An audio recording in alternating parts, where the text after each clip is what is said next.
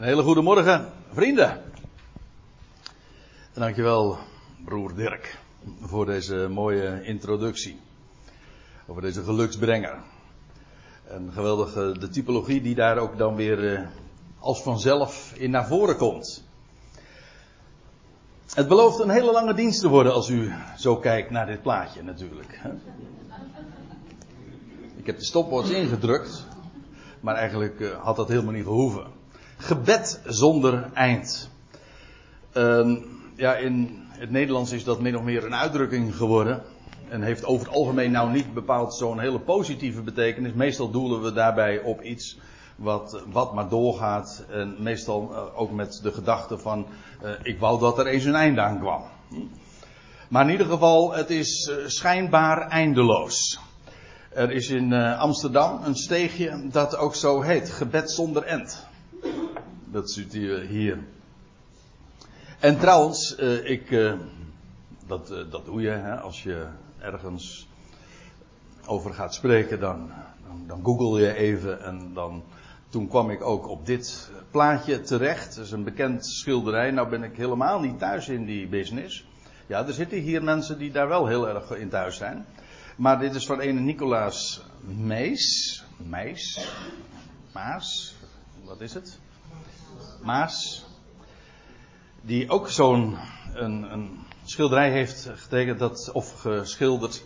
Dat uh, die naam heeft gekregen in, uit 1656. Waarbij je een oude vrouw ziet, uh, heel devout ziet bidden of danken. En uh, dat waarschijnlijk omdat die kat hier, je ziet het niet zo heel erg goed op dit plaatje, maar die trekt al aan het, aan het tafelkleed, want ja, die, die ruikt zalm daar op de tafel. Dus, uh, maar zij trekt zich daar helemaal niks van aan. Zij is in gebed. Zij was, hij was, de schilder was trouwens een, uh, een van de bekendste leerlingen van Rembrandt. Ja, het uh, heeft heel veel. Het, het, ziet er ook een beetje Rembrandt-achtig uit met die, met die lichtinvallen enzovoort. Maar uh, daarover gaan we het natuurlijk allemaal niet hebben. Dat zijn uh, gewoon even uitstapjes. Ik wil u meenemen vanmorgen, en dat is mijn uitvalsbasis min of meer, naar een drietal hele korte versen feitelijk. Nou, vooral die eerste twee. In 1 Thessalonica 5. En dat zijn een, een drietal commando's, imperatieven zoals dat heet. Vers 16, 17 en 18. Uh, sommige mensen krijgen daar altijd wat uh, kriebels van als ze als het woord commando horen, zeker in verband met de Bijbel en met geboden. Maar denk eens een keer aan, uh, aan commando's die wij dagelijks aan elkaar geven, maar waar eigenlijk ook een, dat juist een hele positieve en zelfs een, een blijmakende connotatie heeft. Dat we zeggen, eet smakelijk voordat de maaltijd begint. Dan zeg je toch niet van, uh, moet dat nou weer? Hm? Uh, of slaap lekker. Goh, wil ik lekker, ga ik rusten? En dan moet dat allemaal nog lekker zijn ook. Hè? Of geniet, ja, die is helemaal, geniet van je vakantie. Ga je met vakantie moet je nog genieten ook. Nee, zo, dat denk je niet. Nee, je, wil het, het zijn, je, je wordt geattendeerd op een voorrecht en om daar het het volle rendement uit te halen en om dat ten volle te beleven. Nou, dat, is, dat zie je ook in, in deze drie uh, zinnen. Verblijd je altijd, bid ononderbroken, dankt in alles. Want dit is de wil Gods in Christus Jezus voor jullie. Nou, over die drie dingen wil ik graag eens wat nadenken. Te meer omdat deze drie instructies, die Paulus aan het einde van deze brief geeft, en feitelijk het hele voorgaande van dit, van wat hier dan staat, ademt al diezelfde sfeer van vreugde. Als je dan eh, hoofdstuk 1 leest, want dan blijkt eigenlijk dat, dat de cirkel weer rond is. Want het begint namelijk ook met een geweldige vreugde. Paulus is blij met het nieuws wat hij heeft vernomen over de Thessalonicers en hoezeer er een enorme sprake uitgaat van dat wat ze zijn gaan geloven en hoe ze zich hebben afgekeerd van de afgoden en juist nu de levende en waarachtige God zijn gaan dienen met een geweldig vooruitzicht enzovoort. En Paulus is daar zo blij mee en hij bidt ononderbroken. En nou, straks komen we daarover te spreken, want ik denk dat we juist in godsdienstige sferen, zodra het gaat dan over bidden en ook over danken, dat daar zoveel misverstanden aan gekoppeld zijn. Hm, bij bidden denken we vooral aan, ja, als het niet goed gaat, dan ga je bidden. En als het wel goed gaat, dan, dan dank je. Dat is zo'n gedachte. En, nou, ik zal niet zeggen dat het precies het omgekeerde ware is, want het, het is namelijk ononderbroken in alles. Maar het accent is in feite in de Bijbel juist wel omgekeerd. Ik kom daar straks nog op terug. Eerst even, laten we die, die woorden, eigenlijk is dit uh, het, het kortste zinnetje in de Bijbel, tenminste in het Grieks wel. Verblijd je altijd. Het zijn twee woorden in het Grieks. Verheug je of verblijd je altijd. Nou is het mooi. Dit woord verblijden in het Grieks, dat is afgeleid van dit woord, gyro. En we kennen dat. Degenen die hier vaker komen, die eh, herkennen het ongetwijfeld. Want het is namelijk direct verwant aan het woordje charis. En charis, dat is het woord voor. Ja, genade. En wat is genade? Ja, dat is dus vreugde. Maar dan vreugde om niets. Dus waar je niks voor hoeft te betalen. Nee, het is. En het element van vreugde. En het element is ook. Eh, het is gratis. Het is puur om niet. Alsjeblieft. Geniet ervan. Hè? Dat. Bijvoorbeeld, als dan s'morgens de zon opgaat, de hemel is blauw. Ja, dan krijg je dat zomaar gratis. Hè? We zeggen dat ook. Voor niks gaat de zon op. Nou, met, met recht. Dan gaat, hij gaat voor niks op. En dat is de vreugde die je, en zoveel dingen in het leven, dat is echt genade.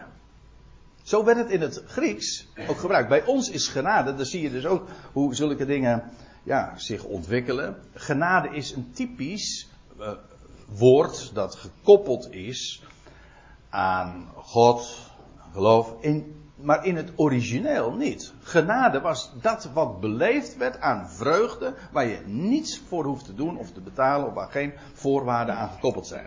Dat is wat genade is. Daarom hecht ik er altijd aan om die, die basisbetekenis te onderstrepen. Het is, het is vreugde om niet. Nou,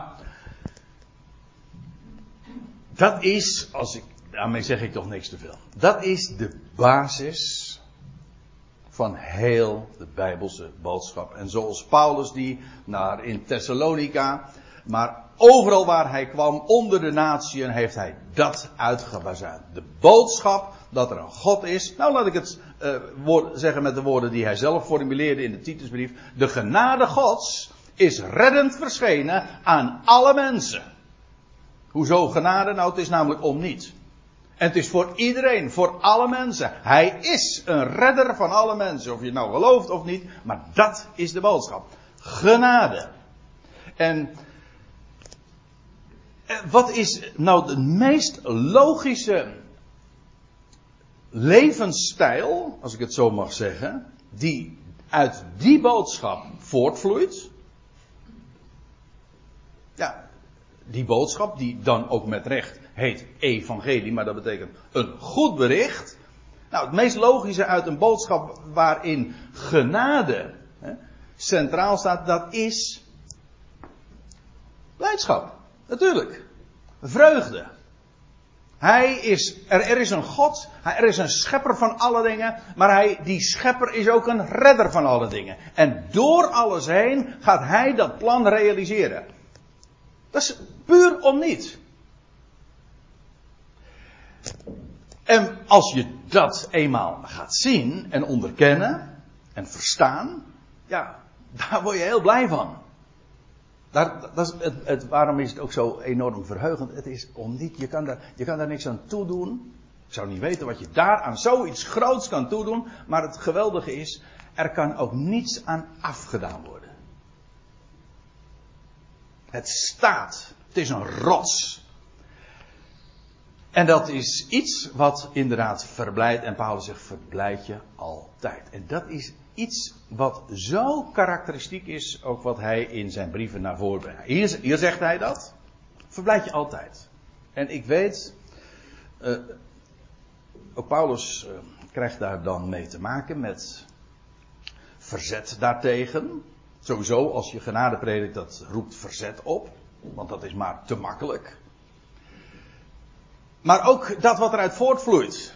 Paulus' leven is trouwens daar ook een, een, een, geweldige demonstratie van. Hoe je, in dat, hoe je in dit leven, te midden, en nou ja, ik kom er straks nog even op terug, maar te midden van zoveel tegenstand, te midden van zoveel moeite, te midden van zoveel verdriet, ja, desondanks altijd te verblijden. Hij zegt in, um, nou die is misschien wel, uh, dat is de bekendste versie daarvan, in Filippenzen 4 vers 4. Daar is het. Verheug je in de Heer altijd. Het is maar niet een verdwaalde spreuk die, waarbij hij zich zo verspro- uh, waarbij hij zich um, een beetje overdreven heeft of waarbij, waar hij, waarbij hij zich wellicht een, enigszins versprak. Nee, helemaal niet. Het is heel karakteristiek. Verheug je in de Heer. Altijd. En bij herhaling zegt hij dan, wederom zal ik zeggen, verblijd je. Hier is het trouwens het geweldige. Uh, het, het, mooie ook dat hij daarbij ook aangeeft in welke sfeer die vreugde geplaatst moet worden. Waaraan je die vreugde ontleent. Hier zegt hij: verheug je in, in Heer. Er is namelijk iemand, en dat, dat Griekse woord dat is kurios. En daarin, ja, in het Nederlands is het trouwens ook makkelijk te herkennen, want eh, wij kennen het, het woordje beheren en beheersen. Er is iemand in, in, in, in het Grieks trouwens, in de term in, uh, staat het een heer tegenover een slaaf. Iemand die het lijfeigen is. Je bent het bezit van. Het feit dat als wij zeggen hij is heer, daarmee geef je, geef je aan. Ik ben zijn bezit, ik ben van hem, ik ben zijn eigendom. En ik ben reformatorisch opgevoed. En er zitten hier meer in de zaal die, die dat wel weten. En dan is zondag 1, hè, je hebt de Heidelberger catechismus. En dus de eerste vraag luidt dan: wat is uw enige troost in leven en in sterven? En dan is het antwoord. Dat ik niet mijzelf. Nou ja, ja je hebt de oud-Nederlandse versie. En nou ja, ik zeg hem eventjes uh, zoals ik hem nog herinner. Uh, dat ik niet van mijzelf ben. Hè, maar het. Nou, Adriaan, jij kent het beter. Hè?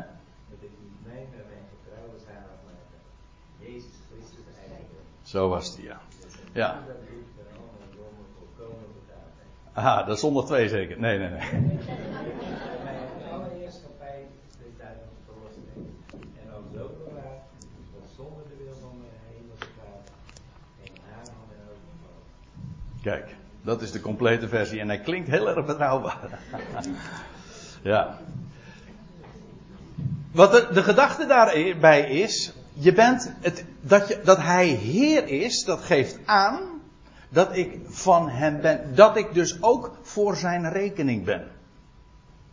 Ik moet er trouwens bij zeggen, die Heidel, de Heidelberger catechismus. Het is een prachtig antwoord. Het is toch geweldig als je mag weten, ik ben van hem. Maar nou zal ik u iets vertellen. Dat staat niet in de Heidelberger catechismus. Hij is een Heer van allen. Ja, en rijk voor alle die hem aanroepen, staat er dan nog in Romeinen 10. Maar in Romeinen 10, dan lezen hij is de Heer van allen. Weet u waarom? Weet u waarom hij een Heer van allen is? Hij heeft de prijs betaald. Hm? De losprijs. Hè? Hij heeft de prijs betaald voor allen. Paulus zegt in, in 1 Timotheus 2 dat Christus Jezus, hè, er is één God, en één middelaar van God en mensen, de mens Christus Jezus, die zich gegeven heeft tot een losprijs. Niet voor sommigen, niet voor velen. Ja, dat staat trouwens elders wel. Dat klopt. Maar dat is geen tegenstelling van allen hoor. Want die allen, dat, is, dat zijn er velen. Nee, hij is een los die zichzelf gegeven heeft. Kijk het maar na. 1 Timotheus 2, vers 6. Hij heeft zichzelf gegeven tot een losprijs voor allen. En daarvan wordt getuigd de juiste tijd. Op de eigener tijden. Afijn, hij is een heer van allen. En de zoals hij de schepper is van allen, zo is hij ook een heer en zelfs een redder van allen. Dat wil zeggen, de garantie ligt. Daar kun je niks aan toedoen en daar kun je niks aan afdoen. Kijk, dat is nou een reden om je te verheugen. Ja, niet iedereen gelooft dat. Sterker nog. Kijk, dat is, eigenaardige, die boodschap is universeel. Allenomvattend. Maar juist omdat die boodschap zo groot is, zijn er maar zo weinigen die hem geloven. Dat is echt zo. Maar dat is het. Het is om niet. Hij is de Heer van allen. Verheug je in de Heer, zegt Paulus. Altijd. Een gelovige is iemand die hem als Heer erkent. En weet van Hij is de Heer. Ja, niet omdat ik voor Hem gekozen heb. Hij is niet. Nee, Hij is niet mijn Heer omdat ik voor Hem gekozen. Ik ben van Hem. Hij heeft mij namelijk gekocht en betaald. En een gelovige is iemand die daar, die op zijn knietjes gaat en God daarvoor dankt. En dat erkent en beseft en beleeft. Ja, verheug je in de Heer altijd. Wederom zal ik zeggen, verheug je. Dus nog zo'n tekst. Dus die trouwens, dat werpt ook heel veel licht toch wel op wat dat verheugen inhoudt. Want daar zegt Paulus in 2 Korinthe 6 vers 10. Dan zegt hij van, ja ik ben ter aarde geworpen en toch, uh, of als arm, maar vele rijkmakend. En dan gebruikt hij van, van, die, van die tegenstellingen. En een van die tegenstellingen die hij dan gebruikt, dat is in hoofdstuk 6 vers 10. Daar zegt hij, als bedroefd, maar steeds zich verheugend. Ook weer steeds, dus altijd. Deze is mooi omdat het ook aangeeft dat Paulus niet, we zijn nogal in de sfeer van de vogels vanmorgen natuurlijk, niet zo uh, is gaan zweven dat hij elk contact zeg maar, met de aarde niet uh, is verloren of dat hij niet meer stevig in de realiteit zou staan. Integendeel, Paulus onderkende, on, beleefde gewoon, ik, we hadden het er zojuist al over, zoveel tegenstand. En daarmee ook droefheid. En Paulus zegt, als bedroefd. Dirk uh, wees er zojuist ook nog even op. We zitten hier allemaal, en dat is zo herkenbaar. Als je, je bent een mens van vlees en bloed, je bent geplaatst in bepaalde omstandigheden, en dat kan zijn in, in je huwelijk, in je gezin, op het werk, uh, of noem nog grotere sferen waarin je bevindt, en dat te neerdrukt. Je hoort dingen of je zit er middenin in verband met je gezondheid en die drukken te neer, die bedroeven je. Natuurlijk. Ik zeg natuurlijk, want dit is zo herkenbaar wat ik nu zeg. En iedereen heeft daarin zijn eigen verhaal. En Paulus was, ja, Paulus' belevenis was dat net zo goed. Maar dat had niet de, de boventoon. Integendeel, dat was, dat was weliswaar een gegeven. Er zijn zoveel dingen die te neerdrukken. Er zijn zoveel dingen die een mens bedroeven. Ja, zegt Paulus, maar. Steeds zich verheugend.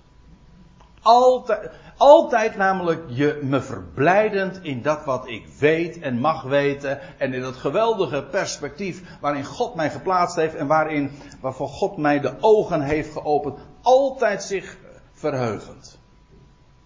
Dat was de, de, de grondtoon in zijn leven.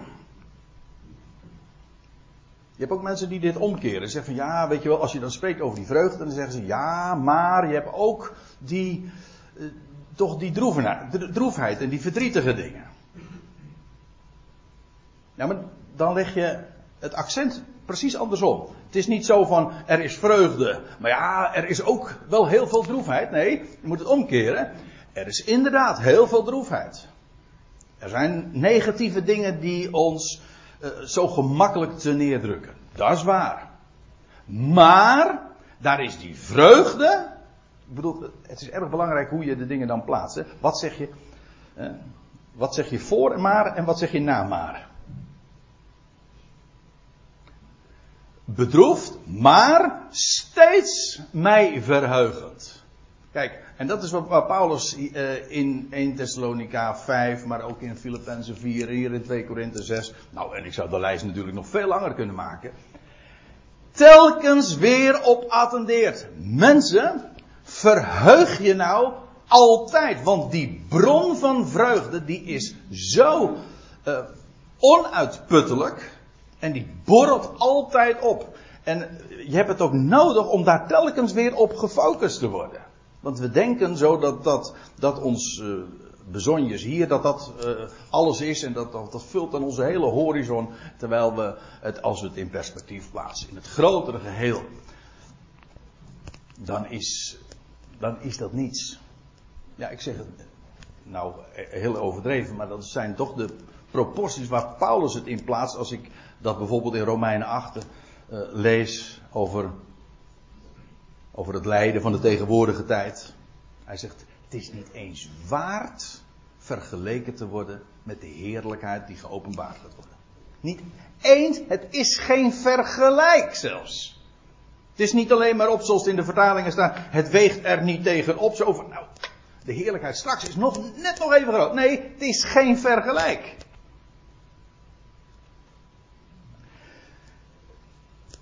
Verheug je altijd in die Heer.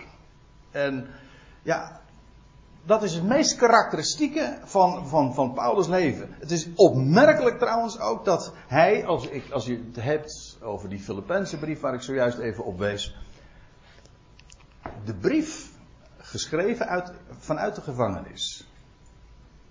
Geschreven in omstandigheden, je leest daar ook over in die brief, dat hij te maken kreeg met zoveel tegenstand. En juist die brief, die borrelt van vreugde. En het geweldige is dat hij juist anderen wijst in zijn eigen verdrietige, bedroefde omstandigheden, dat die anderen er vooral op wijst van mensen, vergeet niet om je te verblijden. Kijk, dan, dan, dan versta je dus echt de proporties vanuit Gods perspectief. En ja, wees eerlijk. Hoe heerlijk is het niet om zo te leven? we gaan nog even verder. Want we komen uiteindelijk hier toch weer ook bij terug. Want deze drie korte instructies blijken heel direct met elkaar ook samen te hangen. Vervolgens. Bid ononderbroken. Eerst eventjes inzoomen op dat woordje bidden. Dat is dit Griekse woord.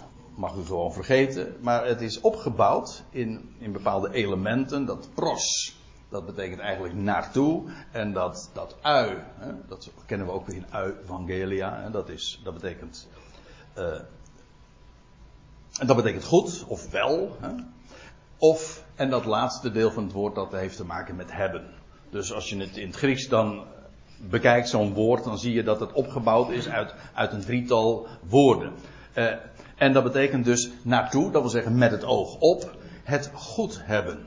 Dat is wel interessant als je een woord zo even uh, bekijkt. Want je bidt, waarom? Altijd met een bepaald oogmerk. Hè? Zodat je het wel hebt.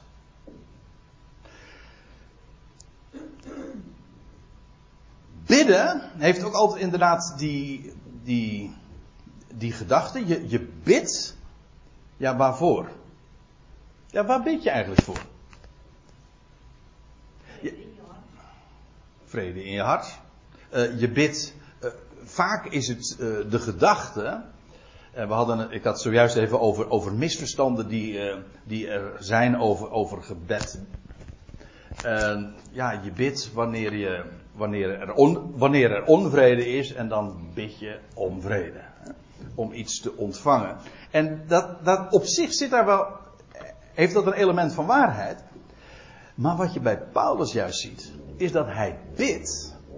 Niet om iets te ontvangen, maar juist om besef te krijgen van dat wat hij ontvangen heeft. Ik kom daar straks op terug, maar eerst nog eventjes dit. Dat woordje ononderbroken. Kijk, daar is natuurlijk de, de, de titel van deze toespraak ook aan ontleend. Hè? Gebed zonder end. Bid ononderbroken. Hij zegt dat trouwens meer in zijn brieven. Eigenlijk de gedachte is, uh, dus voortdurend. Zonder dat het afgebroken is. Ja, ik heb hier een plaatje erbij, want dat moet ik dan aan denken. Voortdurend online. Ja, ik, heb, ik kom nog uit een tijd. Nou ja, god, dat klinkt ook uh, als opa verteld, maar. Uh, de, in de tweede helft van de jaren negentig, als je dan op internet wilde, hè, dan moest je nog inbellen. Dan kreeg je zo'n geluid te horen. Zo'n knerperig geluid. Moest je heel erg uitkijken trouwens, want voor je het weet kreeg je hele hoge telefoonrekeningen. Dat was nog in die tijd. Dan, was je, eh, dan moest je inbellen. En, en nou, dan moest je wel even goed neem me niet kwalijk.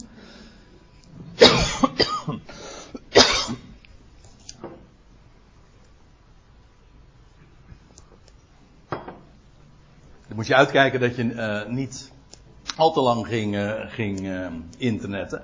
Maar ja, de, totdat je ergens in 2000, 2001 kreeg je het ADSL en dan kon je voortdurend gewoon online zijn. Nou, daar moest ik dan even aan denken. Je bent, ehm, waar Paulus het over heeft, bid ononderbroken. Het, is het, het, het idee van het, een gebed is, je hebt een verbinding naar boven. Dus vandaar ook dat ik denk dan aan online zijn. Nou, je bent in verbinding met boven. En dat voortdurend te beseffen. Zonder dat je dat. Uh, je, je, hoeft niet het spreken met hem te reserveren voor bepaalde momenten. Je kunt altijd gewoon met hem spreken. Zonder in te bellen, om zo te zeggen. Je bent gewoon altijd online. En het geweldige is, is dat je voortdurend ook reden krijgt om met hem te spreken. De weg is open. En je mag voortdurend contact hebben met jouw maker. Degene die alles beheerst. En, en Paulus zegt, bid ononderbroken. Besef dat je voortdurend die gemeenschap hebt met hem. Want dat is het eigenlijk. Want die, die eenheid met hem, die vrede met hem, dat is een bezit. Maar dat bid ononderbroken, dat heeft te maken ook met het beseffen dat daar die eenheid is en ononderbroken is. Waar bidt Paulus voor? Ik heb, uh, ik heb daar eens een keertje uh, meer dan eens een, een, studie naar gedaan.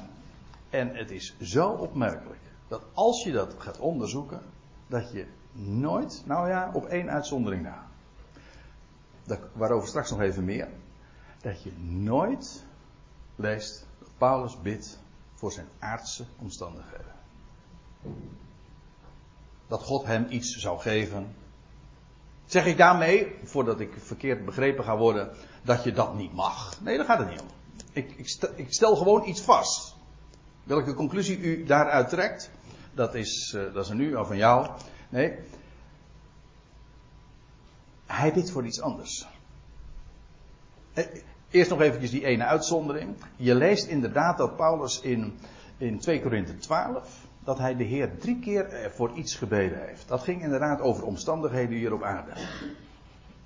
Dat een, een boodschapper van Satan, van de tegenstander, hem met vuisten sloeg. Die doorn in voor zijn vlees, weet u wel.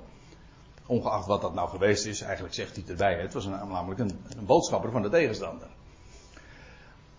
En dan lees je dat Paulus zegt, ik heb, dat tergde hem. En dat drukt hem ongetwijfeld enorm ten neer. En hij heeft drie tot drie keer toe de Heer gebeden of die van hem zou aflaten. Inderdaad, dat was voor zijn omstandigheden. En wat, en wat was toen het antwoord wat ik kreeg van de Heer? Mijn genade is jou genoeg. En mijn kracht wordt volbracht in jouw zwakheid. En dan lees je vervolgens dat Paulus de conclusie trekt. Hij zegt dus, ik heb, ik ga, ik dank God nu voor al die, die tegen, uh, hij zegt het heel sterk hoor, in, uh, in, de, in die tweede Korinthebrief. Hij zegt, ik dank God nu voor benauwenissen. Dat, dat zijn niet mijn woorden, hè? dat zegt Paulus zelf. Voor benauwenissen, voor tegenstand. Ik heb weer mijn bijbeltje niet bij me, maar ik zou het even moeten lezen. Dus, goh kan ik daar nou niet eens een keertje aan denken, dankjewel. Uh, goh, het is toch een dag. Uh, in 2 Korinthe 12. Uh, ik had het eventjes op een diaatje moeten zetten, maar dan schrijft hij dit. Nou, ik lees het even voor. Driemaal, vers 8 van 2 Korinthe 12. Driemaal heb ik de Heer hierover gebeden dat hij van mij zou aflaten. En hij, de Heer, heeft tot mij gezegd: Mijn genade is jou genoeg. Want de kracht openbaart zich eerst ten volle in zwakheid. Zeer gaarne zal ik dus, dat is de conclusie, in zwakheden nog meer roemen. Opdat de kracht van Christus over mij komen. Daarom heb ik een, een in zwakheden. Smaadheden, noden, vervolgingen, benauwenissen. Ter wille van Christus. Want als ik zwak ben, dan ben ik machtig. Dat gaat ver hoor. Dat gaat heel ver. Dat, je, dat Paulus zegt, ik heb een, een welbehagen. Dat is gewoon het oud-Nederlands woord voor een plezier. Ja, het is maar net welke bril je op hebt. Kijk, normaal gesproken, geen mens bidt. S'morgens, Heer, geef mij vervolging, geef me benauwenissen, geef me een hoop tegenstand. Doet geen mens. Toch? We bidden wel het omgekeerde. Bewaar me daarvoor. het is bijna niet gezond. Wat Paulus zegt is zo gezond. Hij zegt: ik heb, een, ik heb een welbehagen in zwakheden. In besmaadheden, in vervolgingen, benauwenissen. Hoezo? Op zichzelf niet. Natuurlijk niet. Dat zijn negatieve dingen. Maar hij zegt: Want als ik zwak ben, dan ben ik sterk. Juist in die omstandigheden openbaart de kracht zich. En dus worden die dingen waar wij van voor bidden, van Heer neem het van me af, worden voor, zijn voor Paulus een aanleiding om hem te danken. Is precies omgekeerd. Wij bidden voor, uh, zoals Paulus dat aanvankelijk dan hier ook deed, van Heer neem het van me weg. En hij krijgt het antwoord, mijn genade is jou genoeg. En dus keert hij nu om. Hij zegt, ik dank je God juist voor de moeilijkheden. Wij, wij bidden wanneer we in moeilijkheden zijn. Maar Paulus dankt juist voor die moeilijkheden, want dat zijn namelijk even zoveel lessen. Maar waar bidt Paulus dan wel voor? Ik kom er straks nog even op terug als we het over dat die derde instructie hebben. Maar waar bidt Paulus dan wel voor? Behalve die ene tekst hier in 2 Korinthe 12. Kijk het maar eens na. Altijd. Voor besef. Van de rijkdom die we bezitten in hem. Hij bidt niet om zegen, maar hij bidt om geopende ogen daarvoor. Ik geef u één voorbeeld en we gaan naar Efeze 1. Efeze 1, vers 16. Dus een wat letterlijke weergave. En nadat Paulus had opgezond de enorme schatkamer wat wij bezitten eh, in Christus. En dan zegt hij uh, dat hij voortdurend ook God dankte. En dan zegt hij in vers 16, gedachtenismakend, herinnerend dus, bovenop die gebeden van mij. Dus hij bad, hij zei, maar ik herinner ook voortdurend uh, aan, opdat de God van de Heer van ons, namelijk Jezus Christus, de Vader, dat wil zeggen de oorsprong van, van de heerlijkheid, die hij zojuist had beschreven, de Vader van de heerlijkheid, mogen geven aan jullie, inderdaad, daar heeft bidden toch altijd mee te maken. Hè? Opdat God iets zou geven. Maar let op, niet dat hij ons heerlijkheid zou geven. Die heerlijkheid hebben wij in hem. Nee, hij zegt, opdat God mogen geven aan jullie een geest van wijsheid. Wijsheid heeft alles te maken. Ik ga dat nu verder niet uitleggen, maar wijsheid heeft alles te maken met uitzicht. Philo, dat is Sophia. Sophiem, met een uitzicht, een uitkijktoren eigenlijk. Maar het heeft te maken met, met uitzicht hebben. En met overzicht hebben. Opdat God ons geven een geest van wijsheid, van onthulling. Dat Hij dingen ons laat zien. Of, en dan staat erbij in besef van Hem. Dat is een sleutelwoord dat je telkens weer ziet. Want je kunt, en dat is een heel elementair ding. Je kunt dingen weten.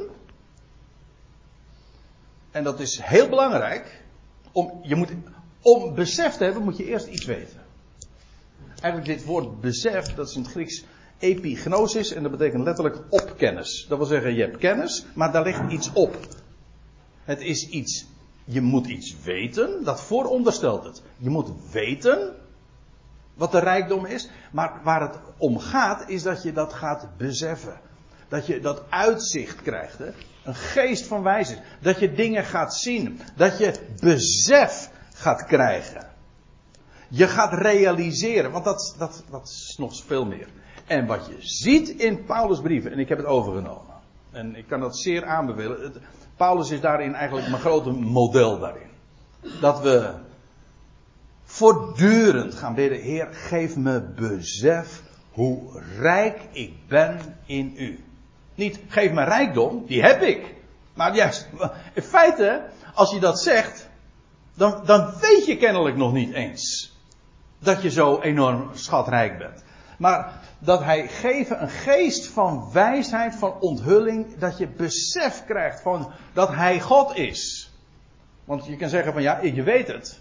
Ja, maar besef je het ook echt? Verlicht zijn de ogen van jullie, van jullie hart. Zodat je ogen dus dat gaan zien. En dat je ogen daardoor verlicht worden. Je ogen daardoor dus ook gaan stralen. Ik ben, ik ben er zo van overtuigd. Het is zo evident. We zijn zo schatrijk. In hem. Paulus had juist in Efeze 1 allemaal die rijkdommen zo opgestapeld en opgezond. Maar, ja, dat moet je eerst horen. Je moet het weten. Maar dan vervolgens tot dat besef te komen. En elke dag, je staat, je staat s morgens op. En wat is dan je gebed? Ja, wat is dan je gebed? Je kunt, ja, je kunt zeggen, eh, voortdurend God danken. Ja, maar waar bid je dan voor? Heer, geef me ogen die verlicht zijn, zodat we, dat ze werkelijk zien wat u allemaal aan ons hebt gegeven. Hoe schat hemelrijk ik ben in hem. Dat is onvoorstelbaar. Of is het allemaal doodkapitaal? Het is er wel, maar je beleeft het niet. Kijk, maar dan heb je dus ook niet die vreugde. Altijd. Het is je bezit, altijd. En dan tot dat besef te komen. Verlichte ogen. En ik begrijp het zo goed dat, dat Paulus dit altijd bidt. Het grote gevaar in ons leven is dat we zo zwaar onder de maat leven. Of zwaar onder het niveau waar hij ons heeft geplaatst. Hij heeft ons op de hoogte gesteld. Ik hoop dat u begrijpt dat ik dat heel dubbelzinnig bedoel. Hij heeft ons op de hoogte gesteld. Nou, zo te leven. In die rijkdom, in dat besef. Dat wij mogen geven aan jullie geest van wijsheid, van onthulling, besef van hef, verlichte ogen van jullie hart, zodat jullie waarnemen wat de hoop van de roeping is van Hem. Ja, je zou bij al die zinsdelen, zou je, die zou je uit moeten spitten. Want daar staat nog weer zoveel in. Wat is die, wat is die hoop dan wel? Maar ook vooral dat we, dat we met de ogen van ons hart gaan waarnemen wat die hoop is. Maar ook wat de rijkdom is van de heerlijkheid. Niet wat de heerlijkheid is, maar wat de rijkdom daarvan is. Van de heerlijkheid, van het lotbezit, van zijn erfenissen, van hem te midden van de heiligen. Nou, er staat hier heel veel. De verleiding zou groot zijn om, om, om daar nu op in te gaan. Hoe, wat, die, wat die hoop is van zijn roeping. En, en wat de rijkdom is van, zijn erf, van, die, van die heerlijkheid is. Van, van dat lotbezit wat hij heeft ontvangen. Hoe onvoorstelbaar groot en heerlijk dat is. En dat te beseffen. En wat ik u wil zeggen nu is dat Paulus in zijn brieven, met name bij de apostel Paulus zien we dat, dat hij voortdurend bidt. Voor zichzelf, voor anderen, voor al de heiligen lees je. Eh, in Efeze 6 zegt hij dat ook, dat voortdurend zouden bidden voor al de heiligen. Want dat, dat is hetgene waar het allemaal om gaat. Die rijkdom is er. Maar hoe zit dat hier in het hart? Leeft dat? Hebben we enig idee hoe groot dat is? En Paulus zegt, ik bid ononderbroken, zodat ik altijd op die hoogte, op die toonhoogte, in, in, die, in dat besef leef. Het zijn drie van die hele korte instructies, maar ze zijn zo veelzeggend. Ik denk dat we nauwelijks de, de enorme betekenis, maar ook de waarde van, van zulke woorden kunnen, kunnen proeven. Maar goed, daar, uh, dat doen we zo vanmorgen. We, wat, wat zegt hij nou eigenlijk? Verblijd je altijd. Bid ononderbroken. Niet voor je omstandigheden. Dat weet u wat. Dat wilde ik er nog bij zeggen. Die omstandigheden, die regelt God allemaal perfect. Gewoon op voorhand. Daar hoef je niet, daar hoef je niet eens voor te bidden. Je kunt God danken voor alles wat Hij geeft. En hij, hij, Heer, wilt u mijn leven leiden? Dat doet hij. Dank hem ervoor. Bid ervoor dat je het ook gaat beseffen. Kijk, dat is. Het is niet van je bidt wanneer je in moeilijkheden bent. En je dankt wanneer je blij bent. Nee, wij danken wanneer. Ik ga het nou even chargeren en omkeren. We danken wanneer we in moeilijkheden zijn. En we gaan bidden als we beseffen, nee, als we weten hoe rijk we zijn, want dan gaan we bidden dat, we, dat ik het ook werkelijk ga beseffen. Dat we dat met elkaar gaan beseffen en begrijpen. Ik geef toe, ik, zit, ik chargeer nu, ik overdrijf, maar ik zeg het expres omdat het altijd zo overdreven naar de andere kant wordt belicht en benadrukt. Bidden altijd, uh, dat heeft te maken met, ja, er is hier onvrede en je wil vrede krijgen. Paulus zegt, dankt in alles. En hier, ja, God we zijn weer eigenlijk terug bij af, want hier staat een woord, uigaris. En nu weet u nog, dat woordje garis, dat is genade. Eigenlijk uigaris betekent goede genade. En nou begrijpt u ook, danken in alles is feitelijk hetzelfde als verblijd je altijd. Wij verblijden. Nee, wij danken niet omdat we ons verblijden. Wij verblijden ons omdat we danken. Dat lijkt een woordspelletje, maar dat is het absoluut niet. Want wat ontketent juist de vreugde in je hart wanneer je God gaat danken dat Hij de bron is van al die, die, die zegeningen.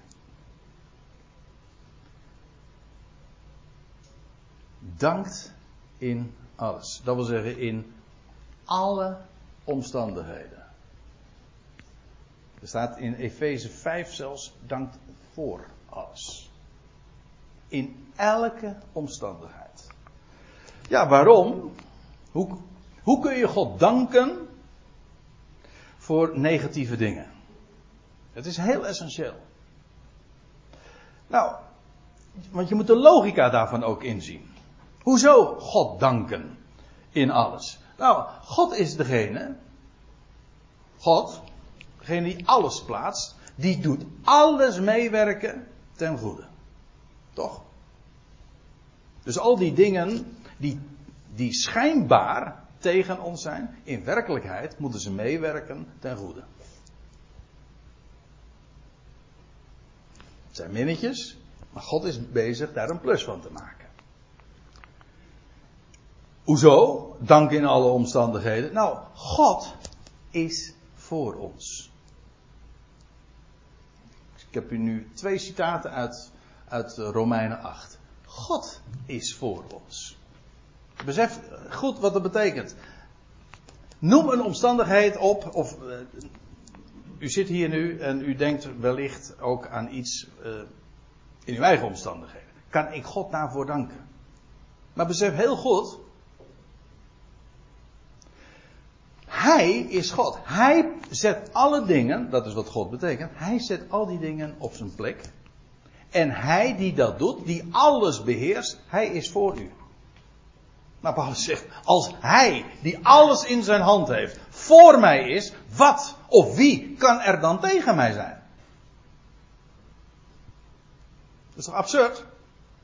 Als degene die de hele schepping nu beheerst en volmaakt onder controle heeft. He's got the whole world in his hand. Dus alle, elk detail in mijn leven, alles heeft hij in zijn hand. Hij brengt het allemaal naar zijn plan tot een goed einde. Dat is toch Onvoorstelbaar. Maar als die God nou voor mij is, wat kan er dan tegen mij zijn? Kijk, als je dat beseft, beseft, niet alleen weet, nee, als je dat beseft. Als je dan s morgens opstaat. Ik zeg altijd, het is een goed begin, dan is het halve werk. Je staat s morgens op, de nacht, nieuw leven, nieuwe dag. En je staat op met die wetenschap en in die dankzegging dat Hij degene is die alles onder controle heeft in jouw leven. Ja, dan ontstaat daar natuurlijk ook die, die blijdschap. In alles, in, in alle omstandigheden. Ja. Dit plaatje heb ik erbij.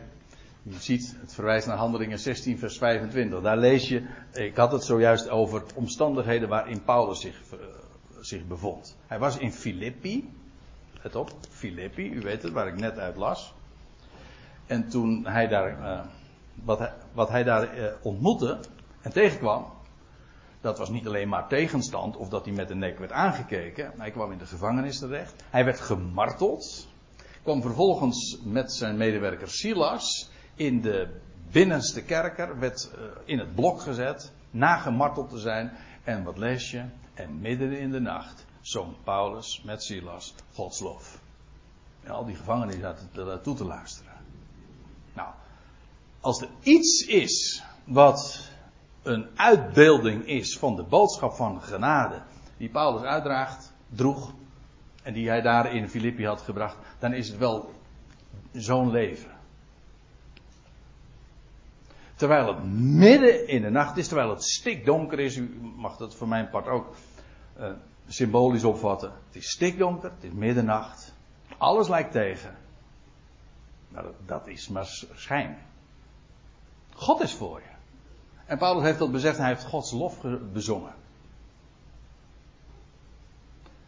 Niet zonder gevolg.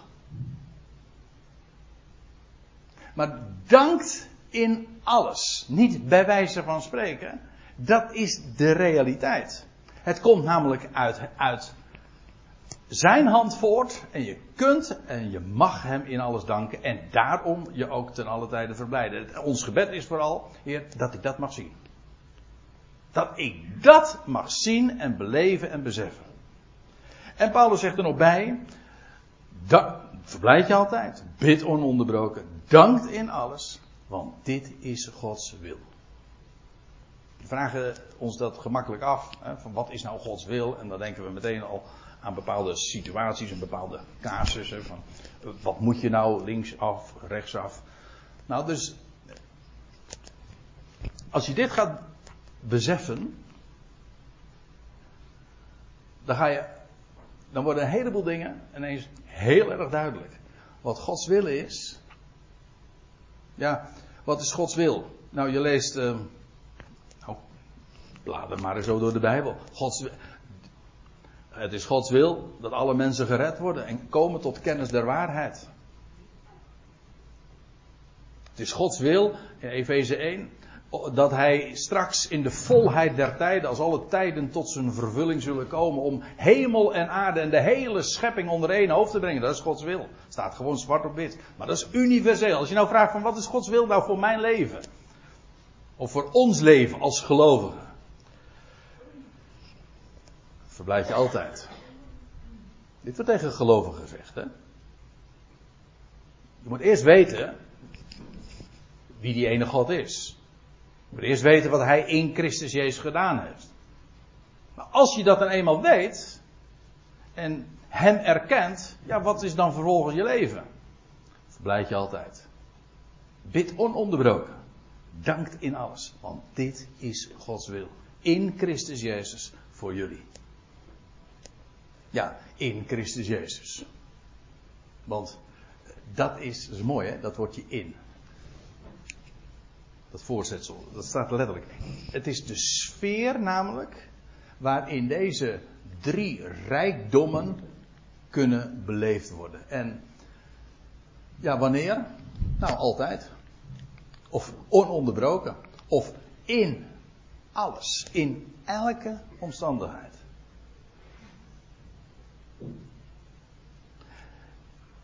Dit is een leven waarvan Paulus zegt, dit is de rode draad die altijd, elke dag gezien mag worden en beleefd mag worden.